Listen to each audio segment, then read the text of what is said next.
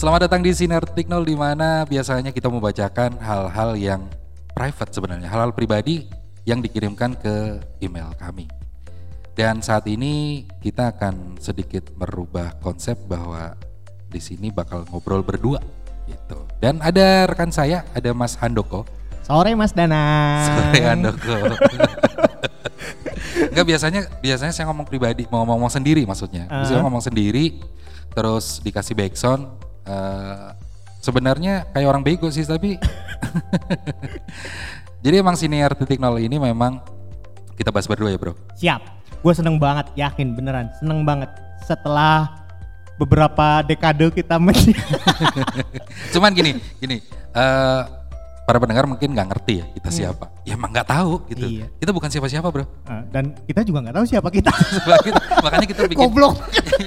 makanya kita bikin ini kan makanya kita bikin ini karena kita sendiri nggak tahu siapa kita dan dan anda pun juga pasti banyak yang nggak tahu siapa kita gitu loh kalau ngeliat dari profil kita kan yang lagi di apa namanya eh, di Spotify gitu kan eh, ini siapa sih ini orang berdua gitu so jaim banget ya, so Oke. keren banget lagi. So, let me introduce myself. Eh, nama saya Danang. Ya, mungkin dari awal awal senior belum pernah ngobrol eh, siapa gua gitu kan. Paling lu cuma bisa lihat di profile. Kalau nama gua Danang dan ini rekan gua, rekan sehidup semati. Ada Handoko dan kita sebenarnya backgroundnya apa sih bro? Nggak tahu. Tahu kita bukan siapa-siapa gitu. Bukan siapa-siapa Tapi sih. emang pod- podcast eh, podcast jadinya siniar gitu. Kita membiasakan diri dengan kata siniar karena siniar itu adalah bahasa Indonesianya dari podcast. Betul banget. Nah, jadi kita orang Indonesia ya. Iya. Jadi memang eh, siniar titik nol ini memang dibahas sesuatu eh, membahas sesuatu yang bukan siapa-siapa dan kita pun bukan siapa-siapa karena biasanya kalau orang ngebahas sebuah eh, membahas sesuatu atau yang bentuknya motivasi atau inspirasi biasanya kan yang dibahas adalah orang-orang yang bombastis, Hmm. orang-orang yang memiliki pencapaian yang fantastis. Mm-mm. Kita apa yang fantastis, Bro? Gitu. Hidup aja masih susah. Iya, tapi kita hidup gitu. Nah, kita hidup. Nah, itu. kan banyak orang nih, banyak orang di sekitar kita yang memang nggak pengen tuh jadi orang terkenal. Iya kan? Betul. Mm-mm. Nggak pengen jadi orang terkenal, nggak pengen jadi seseorang yang apa ya, yang jadi orang yang wah kayak Alexander Graham Bell atau uh, jadi pengen kayak Lady Gaga gitu kan Ah. dengan kisahnya yang luar biasa, Yang wow banget yang lah wow ya. banget gitu. Enggak, kita cuma orang biasa yang pengen uh, berjalan dengan apa adanya. Bener banget. Orang yang pengen berjalan dengan apa sih? Gitu. Semestinya dan hakikatnya sebagai manusia. Dah gitu aja. gitu aja gitu. Sesimpel itu doang. Dan kita pun nggak nggak nggak ini juga loh bro. Maksudnya gini, kita kadang hidup selalu dipusingkan dengan pemikiran orang lain, penilaian orang lain. Padahal itu nggak bebas banget, nggak bebas banget, Gak enak ya? nggak enak banget. Gak enak. Hidup dalam kerangka pemikiran orang lain dan penilaian orang lain tuh bukan bukan kita banget. Nah, kita coba nih kita obrolin sesuatu dari paradigma kita sebagai Dari orang paradigma, oon. dari kacamata kita dari orang biasa. Mm. Heeh, Kalau lu bilang on, gue orang tolol. Nah gitulah dari orang tolol yang mungkin Cuma pengen bahagia bro. ah yang mungkin dengan penilaian keoonan kita, kepolosan kita gitu kan, yang bahasa-bahasa sederhana itu ada nilai yang bisa diambil untuk Iya. kita loh ya. Jadi benar gak sih kalau misalnya kita hanya pingin pingin memahami kata cukup? Hmm, bener banget, Ya, benar gak sih? bener banget. Eh gue pengen jadi seorang katakanlah seorang CEO perusahaan gede, Hmm. ya kan? Boleh gak sih orang orang berpikir gue nggak pengen jadi jadi seseorang yang besar misalkan gue harus jadi CEO, gue eh, orang bercita-cita kan katanya harus tinggi nih karena paradigma seseorang bercita-cita kan harus yang gede sekalian katanya. Betul. gue harus jadi astronot, gue harus jadi eh, penyanyi terkenal enggak. Tapi ad- boleh nggak sih kita berpikir, gue cuma pengen jadi seorang karyawan dengan gaji cukup, terus gue menikmati hidup gue, gue memberikan value kepada hidup gue dan juga orang-orang di sekitar gue, eh, terutama pada keluarga gue, eh, menghidupkan mereka dengan dari sisi kecukupan, Mhm. gitu. Boleh nggak sih kita berpikir kayak gitu? Boleh banget. Dan itu justru lebih tenang. Karena ke depan kita nggak akan dipusingkan dengan penilaian orang. Yang terpenting tuh gini, bro. Menurut gua gitu ya, menurut gua selama gua hidup kurang lebih ya hampir 40 tahun kali ya. 40 berarti. Hampir 40 tahun. hampir loh, berarti kan kalau empat- hampir-hampir hampir itu berarti sekarang masih 17 jalan, Bro. Kayak gitu. hampir 40 tahun, Hampir tapi 17 40 tahun. Ah, Enggak, enggak, 17 enggak. jalan. tinggal berapa tahun berarti? Masih masih banyak lagi masih panjang lagi. Jadi gini kalau menurut gua kadang orang tuh terlalu berpikir bombastis dan terlalu mempersulit dengan pola pikirnya sendiri bro. Padahal dengan gaya hidup yang cukup dengan pola pikir yang cukup sebenarnya apa sih? Ujung-ujungnya gini lu ngartiin sukses dalam hidup lu tuh apa sih? Nah intinya tuh jadi kayak gitu. Kalau misalnya dengan cukup aja pun itu sudah menggambarkan kesuksesan. Ah. ya itu udah udah sukses menurut gue. Yang penting gini loh.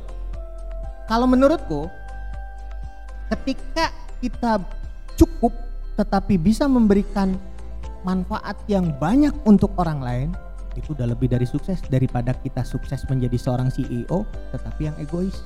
Bukan berarti kita nggak boleh jadi CEO. boleh banget. CEO yang bermanfaat untuk banyak orang itu lebih baik daripada kita mungkin nanti. Ya mungkin mungkin agak sedikit klise cuma gini maksud maksud gue karena ini ini gue mau negasin masalah senior titik nol nih. Ini dibikin untuk orang biasa dan dibuat oleh orang biasa. Hmm, karena Yang- kita memang bukan siapa-siapa kan? Iya karena pinter juga kagak. Kita mau cuma pinter bacot orang doang. orang kaya juga kagak gitu Bener. kan bukan penikmat eh, warisan orang tua gitu. Bener. Nah sekarang kalau ngomong background nih, ngomong background orang pasti, nah lu siapa sih gitu? Ya udah, berarti kan gue cukup kenalin diri gue aja gitu. Nama gue Danang Mm. dan saya seorang karyawan swasta. Mhm. Ya kan gaji gue kisaran ya eh, nggak nyampe 6 juta, nggak nyampe 7 juta lah, nggak nyampe sih. Di bawah 5 juta malah gitu kan. Nah, lu sendiri juga kan kemarin usaha baru bangkrut ya. gue baru bangkrut sebelumnya gue ngalamin juga kerja di di karyawan jadi karyawan swasta kurang lebih ya 15 sampai 15 18 tahunan Terus lu berusaha buat jadi seorang entrepreneur gitu kan. Heeh. Eh, terus apa namanya lu coba berusaha mengubah nasib tapi ternyata nggak semudah itu nggak semudah itu bro gitu tapi kan kayak orang-orang kayak gitu kebanyakan ya Maksudnya banyak kan? banget di luar Banyak sana pasti gitu. banyak banget yang yang apa namanya sosokan work life balance gitu terus eh, hidup dari weekend ke weekend Eh, gua sih Enggak, gini, sebenarnya pingin jadi sebuah trigger aja bahwa ya hidup gue fine lah gitu. Sebenarnya hidup gue fine, gak harus fantastis, bombastis.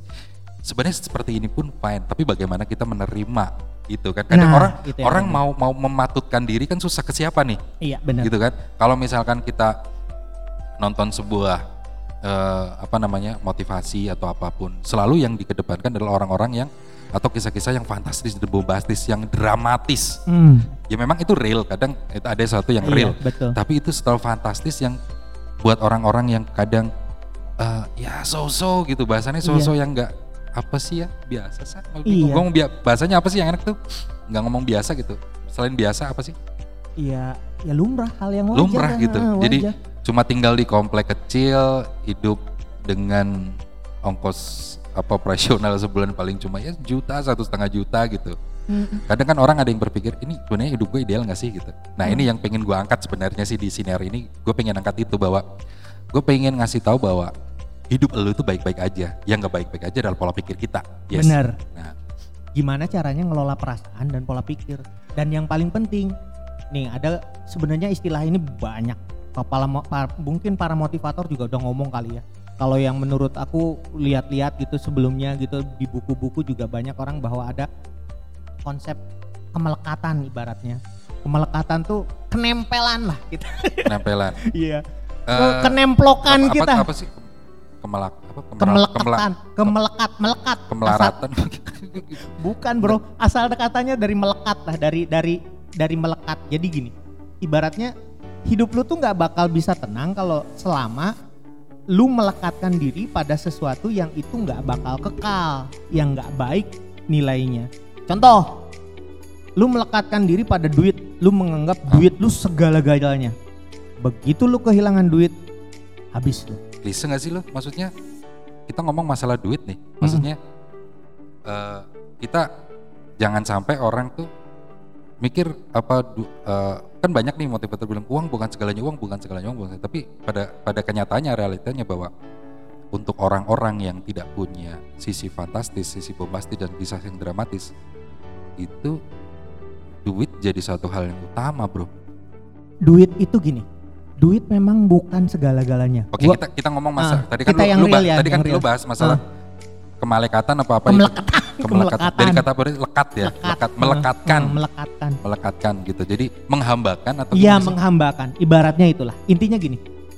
Tadi yang gue bilang, ketika kita misal menghambakan terlalu menghambakan sama duit lo ya.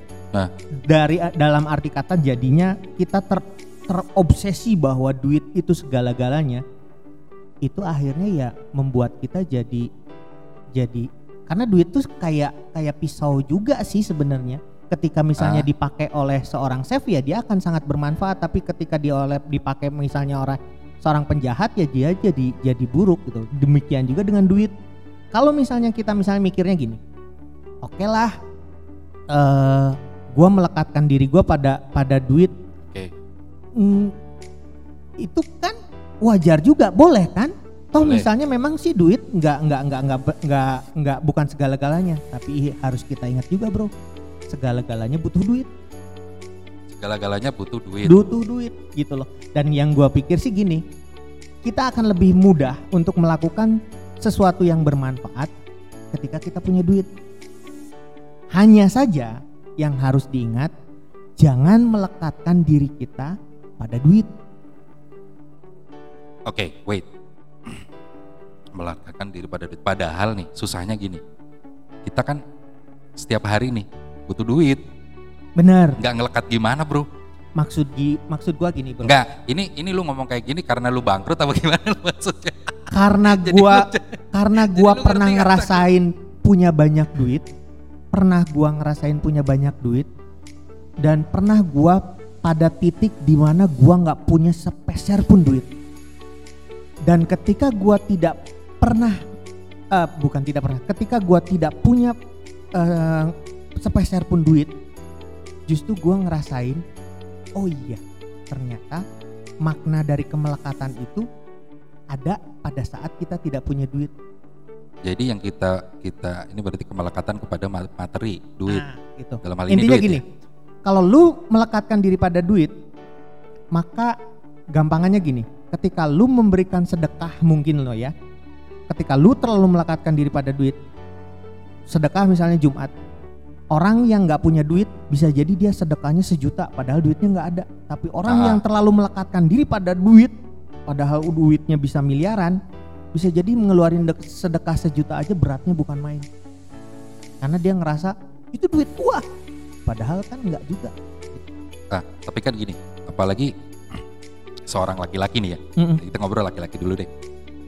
Laki-laki punya monster namanya ego kan. Nah itu, Dia merasa bahwa kita udah berusaha keras, kita sudah eh, kerja keras yang malam banting tulang dapat duit gitu. Sementara realitanya kita memberikan sebuah katakanlah sedekah nih ya, sedekah.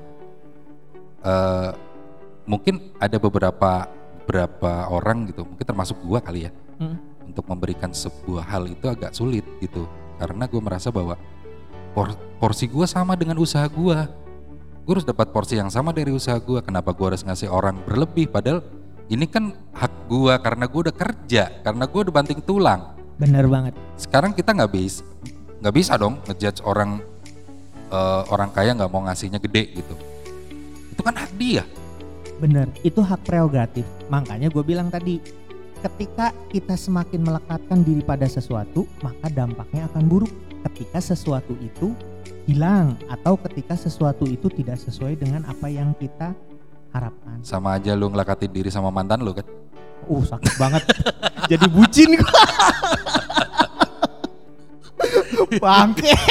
Kampret lu. iya artinya sama kan maksudnya biar analoginya sama biar orang juga ngerti eh, analoginya ke situ gitu kan Nah, Saat misalnya kita- gampang lah, a- a- apa ya, eh, generasi-generasi milenial sekarang baru-baru pacaran udah Heeh. manggilnya papih mami gitu kan, bunda gitu kan, luar Lah, biasa. Gua juga lu pacaran juga gitu. Kenapa emang apa yang salah dengan Pokoknya, itu? pokoknya, pokoknya lu segala-galanya bagiku. Nah begitu terjadi sesuatu gitu kan, misalnya Ah, ah. perempuan itu udah nggak suka sama lu, lu kayak orang gila.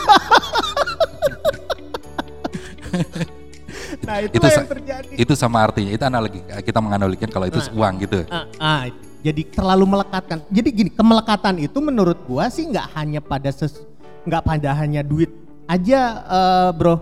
Tapi gini, pada sesuatu yang sifatnya itu nggak nggak kekal. Bisa jadi contoh misalnya kita pada perempuan, seperti yang bilang aku tadi di awal gitu, pada pekerjaan, pada atasan, eh, kita terlalu takut akan kehilangan pekerjaan sehingga yang terjadi adalah misalnya kita melakukan segala macam cara agar kita bisa mempertahankan pekerjaan kita. Akhirnya yang ah. terjadi adalah misalnya ABS atau asal bapak senang. Iya, gua kerja nih ya, gua kerja nih, gua kerja nih. Iya. Gua kan kerja, gua kan karyawan, gua kan karyawan swasta. Mm-mm.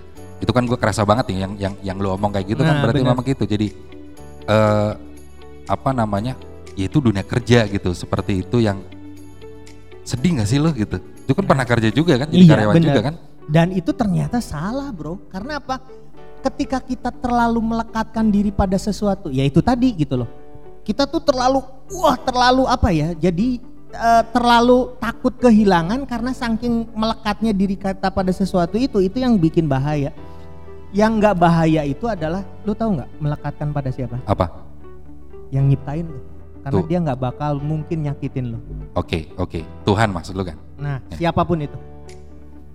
Tuhan gitu kan? Ya kalau, kalau Eh. universalnya Tuhan gitu kan. Aku bilang siapa pun itu karena di setiap agama kan beda-beda. Gitu. Gua Muslim, gua menye- menyebutnya Allah gitu kan. Tapi siapa pun misalnya kalau di gua- luar sana bisa. Lu, lu muslim berarti ya? Gua Muslim. Kalau gua apa ya? Muslim, muslim deh, muslim. Gua muslim deh. Kampret. Gua muslim, ya muslim, muslim, muslim. KTP gua muslim kan? oh iya. Gitu. Eh dan agama gua tuh diturunkan dari orang tua gua gitu kan. Hmm. Ya udah. Nah, kalau misalkan ngomongin masa kemelekatan kepada matahari. Nah, lu bilang bahwa eh, kemele- eh, kemelekatan amat sih lu istilahnya ada yang enak nggak sih selain kemelekatan tuh? Ketertarikan. ketertarikan. Nah kalau misalkan ketertarikan kita kepada kemel- anu, ketertarikan kita kepada satu hal itu kan gak bagus katanya. Hmm. Lah kalau kita ketertarikan kita kepada hal yang religius itu Mm-mm. sama aja dong. Itu justru bagus bro. Loh berarti boleh juga dong mele- melekatkan pada sesuatu. Iya, aku bilang gini, kemelekatan itu tidak boleh kepada sesuatu yang sifatnya hanya apa ya? Gue sih ngelihatnya tuh kepada sesuatu yang itu tidak eh, sifatnya tidak kekal bro atau keduniawian. Oke oke. Berarti ada pengecualian dong masalah kemelekatan itu. Heeh, ada banget bro. Yang gua rasain itu ya, kalau misalnya gua baca-baca misalnya buku-buku gitu, kalau misalnya gua lagi gabut gitu kan, ya ingin juga sih kayak orang-orang lain, orang-orang pinter gitu yang baca-baca buku. Tapi gua memang kalau baca buku 5 menit udah itu langsung molor. Tapi dari sedikit itu aku kadang ngelihat kayak gini bro. Di buku-buku itu rata-rata gini, ketika kita melekatkan diri pada sang pencipta, pada Tuhan gitu, siapa pun itu yang tadi gua bilang, mau Allah, Muslim gitu kan, atau yang agama mana pun, maka hidup kita tuh tidak akan pernah kecewa. Oke berarti untuk sesuatu yang kekal nih. Iya. Sesuatu yang kekal kita boleh melekatkan diri. Betul, Segala hal untuk yang satu yang kekal. bener banget. Dan itu di konsep agama disebutnya apa ya? Eh, bukan pasrah, tawakal. Maksudnya?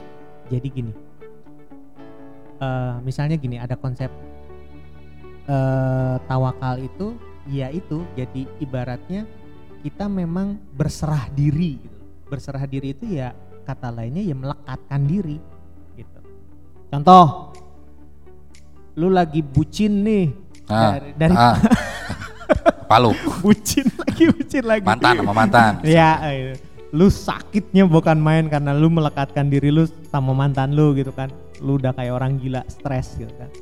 Nah, di satu sisi ketika misalnya udah self healing lah ya, lu udah mulai bisa nerima gitu Ah. kan. Terus akhirnya kan lu pada satu sisi konsep manusia itu butuh Tuhan gitu. Pada intinya konsep manusia itu butuh eh, yang dia sembah gitu loh.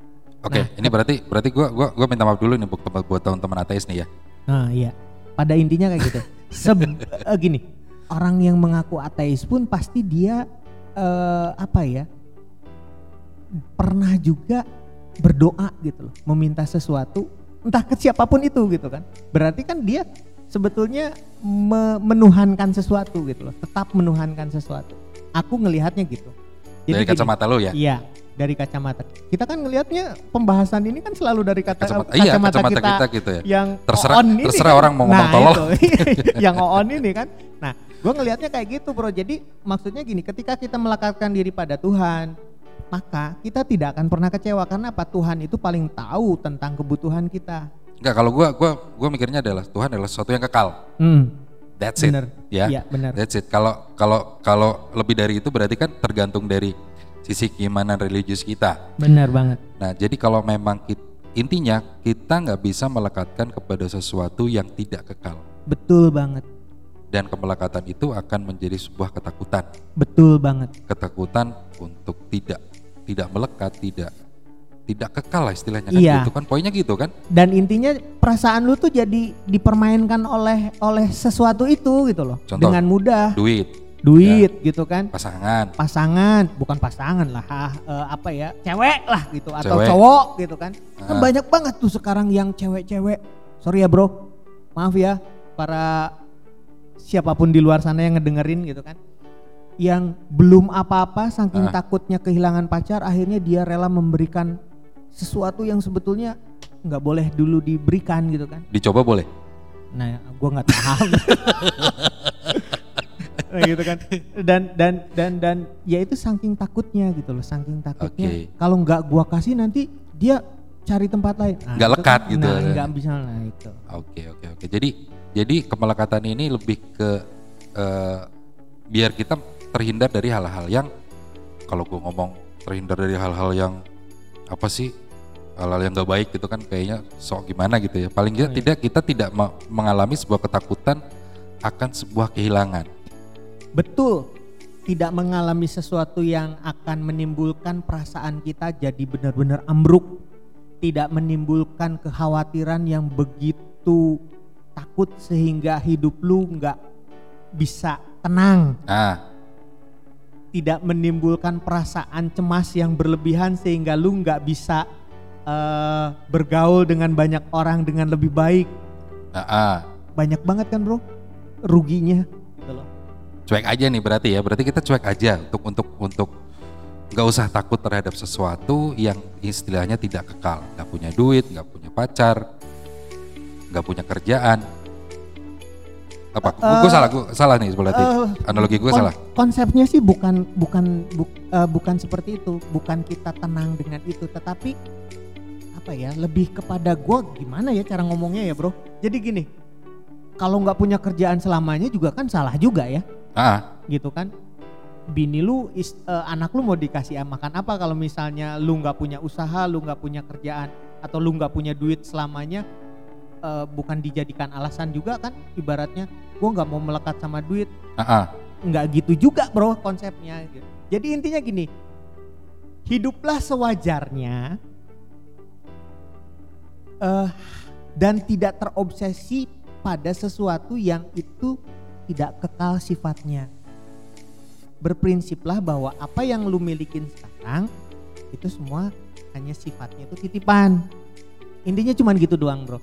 Contoh, lu nggak punya duit, lu jangan jadiin alasan bahwa gua nggak melekat sama duit makanya gua nggak punya duit nggak apa-apa. Lah anak istri lu mau lu kasih makan apa bro kalau konsepnya kayak gitu? Kan Oke. salah juga gitu. Ah. kalau lu nggak punya duit oke gua nggak melekat sama duit. Tapi lu perlu ikhtiar lu perlu usaha gitu loh untuk dapat duit. Nah ketika lu udah punya banyak duit lu jangan melekatkan hidup lu gitu loh. Lu jangan mentuhankan duit itu sebagai eh, Tuhan lu gitu kan Me- me- apa ya melekatkan duit itu sebagai Tuhan lu gitu kan Karena karena lu lagi ngerasain sekarang nggak punya duit. nah gitu intinya kayak gitu bro lu jadi Karena mudah apa? memahami itu kan. nah karena apa ketika nanti lu banyak duit ketika lu nanti banyak duit dari sudut pandang gua sekarang ya bro Ah. ketika lu nanti banyak duit dan lu mentuhankan duit itu dan ternyata duit itu misalnya hilang dari lu gitu nggak dalam genggaman lu lagi nggak dalam kuasa lu lagi kan itu sakitnya kan jelek banget bro. Ya oke lah, so far. gitu yang gua oke. rasakan ketika dulu Oke. punya duit gitu loh Ya, sekarang lu nggak punya duit ya. Ah. Ini gue juga duit gue nggak banyak-banyak amat gitu. ah, makanya. Ya sekelas karyawan lah gitu. ya bisa bisa buat makan sehari-hari bayar angsuran oke lah Ya cukup lah. cukup lah gitu kan banyak nih orang-orang kayak gitu kan yang Bener kaum kaum gua kan kaum kaum kalau orang bilang kaum kaum nanggung gitu kan nah Eh, jadi emang ke depannya ke depannya sinar ini akan akan banyak mengedepankan hal-hal yang sebenarnya sangat biasa gitu. Sangat biasa namun bisa jadi sebuah trigger. Kayak contoh kita sekarang ngobrol masalah kemelekatan nih. Kita jadinya ngobrol ke situ ya. Kita jadi ngobrol ke situ masalah kemelekatan di mana kita tuh eh, gak perlu khawatir untuk untuk untuk hal-hal di depan dengan cara ya treatmentnya itu. Jangan menghamba kepada sesuatu gitu. Intinya sih gini bro, gimana gua ingin obrolan kita yang nggak berbobot ini Ah, jadi ada value-nya. Contoh yang denger, iya juga ya, gue selama ini terlalu melekatkan pada pekerjaan sehingga yang terjadi adalah gue banyak bohong nih sama pimpinan. Ah enggak lah, mulai besok gue ngomong apa adanya aja eh, gitu. Itu kan nilai positifnya bro. Gitu Orang ya. yang melekatkan diri pada duit ngedenger ngedenger eh, siniar kita nih ya eh. pada sekarang ini kesempatan ini. Jadi oh iya ya, gue terlalu menghambakan diri gue sama duit nih. Padahal duit gue banyak-banyak, tujuh turunan gak bakal habis. yes Apa salahnya sih misalnya eh, sebagian kecil gue ambil, gue sedekahin untuk banyak orang. Karena lu apa? Semakin kita banyak ngeluarin eh, sesuatu yang kita miliki, Eh, eh. itu justru akan semakin menambah pundi-pundi untuk kita. Lu pernah ngelihat nggak sih orang sedekah terus jadi miskin? Contoh nih ya, Bill- pernah sih. Gue gue jadi berpikir kadang Tuhan ngerjain gue apa ya? Eh gue coba treatment gue ngasih kenapa gue jadi tambah gak punya duit ya? Tapi nggak tahu knows ya? Knows mungkin Tuhan ngasih kenikmatan lain buat gue Nah, kali ya gitu. kali ya gitu. Contohnya Gua kan gini loh, banyak banyak banyak orang ya misalnya di dunia ini kayak misalnya yang gua tahu nih misalnya yang apa grupnya Maya Pada itu kan siapa itu Datuk siapa itu ya gua nggak tahu namanya ini gua lupa. Dia kan bener-bener yang apa ya eh, seneng banget de- de- berderma gitu kan. Ah, ah. Bill Gates lah contoh ya, walaupun banyak juga berita-berita eh, yang negatif tentang dia, tapi kan gue ngerasa semakin dia banyak berderma gitu, ya, bersedekah gitu, mengeluarkan duit, Mm. justru yang dia dapat akan semakin berlimpah. Oke, mungkin mungkin besok kita coba cari contoh yang aplikasi mungkin yang Kehidupan kita kehidupan kita sendiri kali aja ya. lah ya. Nah, ha-ha. sendiri aja. Kayak tukang Benar. balon depan rumah gua, Betul. gitu, tukang beca di Eh, sebelah rumah gue gua. pernah ngalamin loh bro. Ini real banget, nyata banget. Waktu gue masih kerja di salah satu bank lah ya. Lu banker berarti dulu. Kita kita banker nih dulu kan. Eh, Dulu banker gitu. Gayanya gitu lah ya, banker. Jadi lu tahu sendiri kan kalau marketing bankers itu kalau udah akhir bulan belum achieve target kan luar biasa banget. Ah. Luar biasa banget eh, pressure-nya karena waktu itu du gua juga ma- sangat melekatkan diri pada pekerjaan gua gitu. Sangat kehilangan pekerjaan gua. Nah, eh ini kejadian nyata banget. Seminggu lagi mau end of month, akhir bulan gitu Ah, kan. Ya. Gua belum dapat target eh maksudnya belum ada dana masuk yang bisa gua dapat satu kali gua lagi jalan sama driver kantor gitu kan Ah. di simpangan itu ada ibu-ibu ya gua anggap pengemis lah ya ibu-ibu bawa anak kecil gendong dan entah kenapa gua pada saat itu ngerasa gini eh bro gua di dompet itu cuman punya duit 50.000 ribu ini real. Sumpah ini ini bener-bener gua inget sampai sekarang. Gua cuman ada duit 50.000 ribu lagi di dompet itu. Dan gua nggak tahu kenapa pada saat itu langsung gua ambil duitnya dan langsung gua kasihin. Ah. bu untuk beli susu. Yes. aku gua ngomong ke itu. Ibunya tuh tahu pas dulu dia nerima. Nangis bro. Berkaca-kaca matanya dan itu sampai sekarang gua masih ingat. Gua masih ingat. Dan lu tahu dibayar kontan sama Allah bro. Malamnya udah pulang kerja jam 7 gua masih ingat jam 7 malam mau isya lah. Gua di WA sama prospekan nasabah besoknya suruh datang. Dan lu gue tahu berapa? Lumayan closing bro. Tenang hidup gua bulan itu aku nggak tahu apakah itu Kebetulan atau- kebetulan atau apa. Cuman aku ngerasa kadang gini. Keajaiban itu akan kira kita rasakan kalau misalnya kita tidak terlalu mengedepankan logika, Bro. Tapi kalau misalnya logika selalu kita kedepankan apa pun itu bentuknya, Mm. kadang kita nggak bisa melihat bahwa itu adalah sebuah keajaiban. Alright. Gua ngerasain Oke itu, oke Bang. oke oke oke. oke, Kadang oke, keajaiban oke. itu bisa kita rasain ketika kita nggak selalu ngedepanin logika. Oke bro. tambah berat, tambah berat. Oke, kita kita lanjutkan di senior berikutnya ya di episode berikutnya karena Benar. karena ini makin berat nih ya, makin berat banget obrolannya. Tapi tetap aja dalam kategori orang goblok gitu. Kita orang on dan orang biasa aja, Bro. Orang biasa aja. Cuma ya itu tadi balik lagi kita pengen mungkin bisa sedikit jadi trigger dan kita nanti mungkin akan nampilin banyak banyak guest ya yang bisa kita yang jelas guestnya bukan artis nih. Hmm. ya guestnya bukan artis orang biasa mungkin sama aja kayak tetangga lu sama aja kayak lu sama aja kayak kita semua gitu. Yang hanya ingin mencoba hidup biasa namun penuh makna. Sepakat. yes ya. Oke gitu aja paling udah lebih dari setengah jam kita ngobrol. Dan besok eh, episodenya akan coba kita eh, apa namanya rutinin seminggu berapa? Dua kali? Tiga kali dua kali kali Dua dulu. kali ya. dua kali Dua seminggu kali dua kita kali ngobrol lah. ketemu. Ah, ah. Jadi seminggu sekali itu kita sekali ngobrol dan yang yang kedua tetap konten eh, yang apa namanya? Gue bacain kisah-kisah dari teman-teman juga tetap kita bacain juga. Jadi Betul. satu kali konten ngobrol, satu kali konten gue bacain eh, atensi dari teman-teman karena memang banyak banget nih eh, waiting listnya. Jadi gue lagi eh, kebanyakan sih hampir sama. Jadi gue lagi lagi ngesortir yang beda aja, yang yang beda yang eh, jadi sorry yang yang belum belum sempet gue upload, belum sempet gue posting. Nanti akan pasti gue posting. Cuma gue lagi butuh apa namanya case yang berbeda yang yang gue butuh keragaman di sini soalnya. Betul banget. Ya gitu ya. Iya. Oke, Oke. thank you. Kalau misalkan ada salah kata maklum aja karena dari awal kita ngomong bahwa kita adalah orang tolol dan orang biasa. Jadi paling itu aja.